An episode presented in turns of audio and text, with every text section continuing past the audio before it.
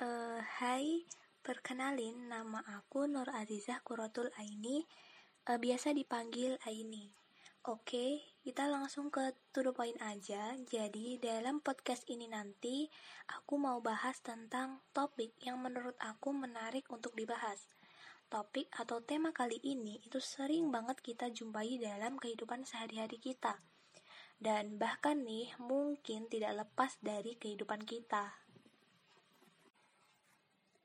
Tema kali ini yaitu tentang solusi dan tindakan mendesak akibat darurat sampah di Indonesia. Nah, sebelum kita masuk ke bagaimana solusi dan tindakan menanggulangi sampah, kita harus tahu dulu nih definisi dari sampah itu sendiri. Selain itu, kita juga harus tahu bagaimana sih kondisi sampah sekarang ini. Apakah sedarurat itukah sampah di Indonesia atau bagaimana? Oke, langsung kita bahas.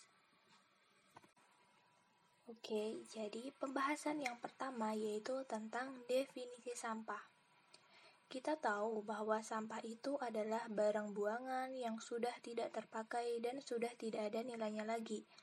Sampah itu ada dua jenis, yaitu sampah organik dan sampah anorganik.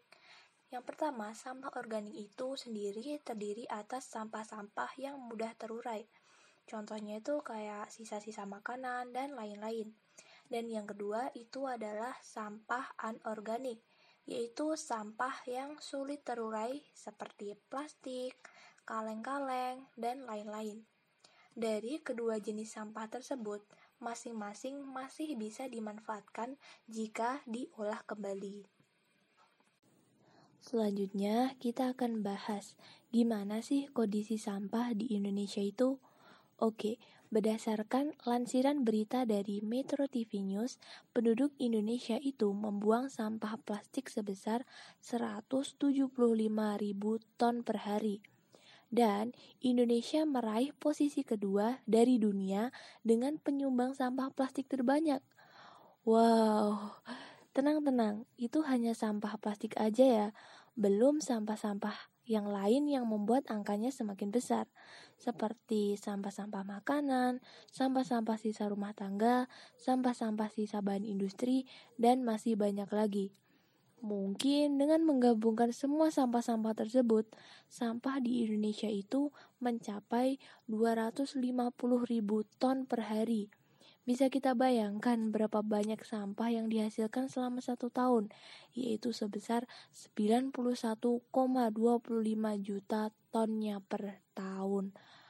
Wow, banyak banget. Dan ditambah lagi dengan adanya sampah impor. Hmm, kalian pernah dengar gak sih tentang sampah impor?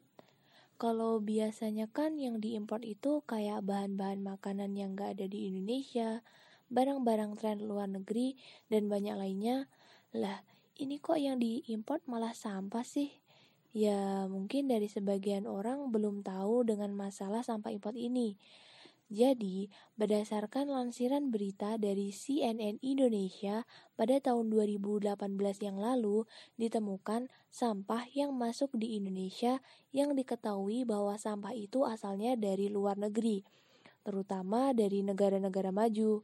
Sampah impor ini dibuang di TPA besar yang ada di Indonesia dan pengimpor sampah ini dilakukan oleh oknum-oknum yang tidak bertanggung jawab. Dan untungnya pada tahun 2019 itu pemerintah dengan segera dapat menanggulangi masalah sampah impor ini. Bisa dibilang Masalah sampah di dalam negeri aja belum bisa diatasi, apalagi didatangkan sampah dari negara lain. Maka dari itu, selanjutnya kita akan membahas tentang solusi dan tindakan mendesak akibat darurat sampah di Indonesia.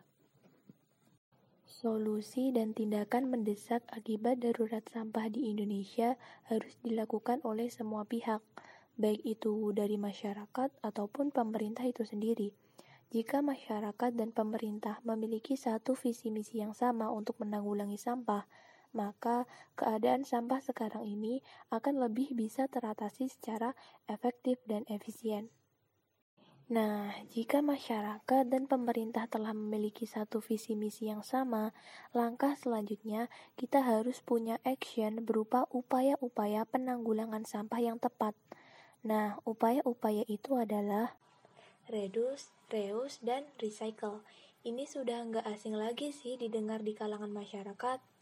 Upaya ini merupakan strategi yang sangat tepat bila diterapkan dengan benar Mungkin sekarang ini hanya sebagian kecil masyarakat yang menerapkan prinsip 3R ini. Padahal, jika seluruh elemen masyarakat Indonesia menerapkan prinsip 3R, banyaknya sampah di Indonesia bukan menjadi masalah besar lagi, bahkan akan membawa kebiasaan baik bagi masyarakat itu sendiri. Lalu, bagaimana sih cara mudah agar kita menerapkan prinsip 3R ini? Oke, kita akan bahas. Yang pertama, reduce atau mengurangi. Nah, ini nih yang paling susah. Kita tuh suka banget pakai barang sekali pakai karena menurut kita itu praktis gitu loh. Contohnya aja tisu. Kalau ada noda di meja aja, pasti lapnya pakai tisu. Jarang banget yang menggunakan lap kain yang bisa dicuci lagi.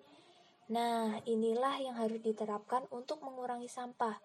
Bukan cuma tisu aja ya, ada yang lain juga seperti plastik, kaleng, kertas, dan ingat, ini harus dikurangin ya. Hmm.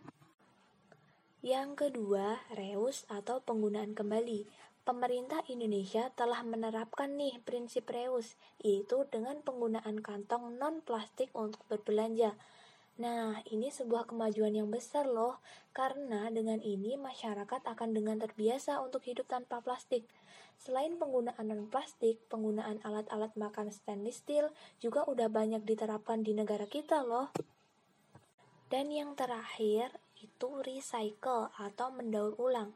Nah, ini berguna banget untuk mengurangi sampah-sampah kita yang memang benar-benar tidak bisa dipakai lagi. Dengan adanya ide dan kreativitas, barang yang gak berguna bisa jadi emas loh dengan harga penjualan yang lumayan tinggi. Uh, Oke, okay, sekarang kita sudah tahu kan seberapa darurat sampah dan seberapa pentingnya untuk menanggulangi sampah di negeri kita tercinta ini. Jangan lupa diterapin ya prinsip 3R-nya. Mudah kan? Ayo kita menciptakan visi misi yang sama untuk menanggulangi sampah di Indonesia. Setiap perubahan kecil akan berdampak pada perubahan besar ke depannya.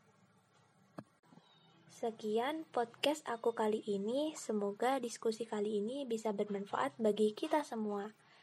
Uh, terima kasih dan bye bye.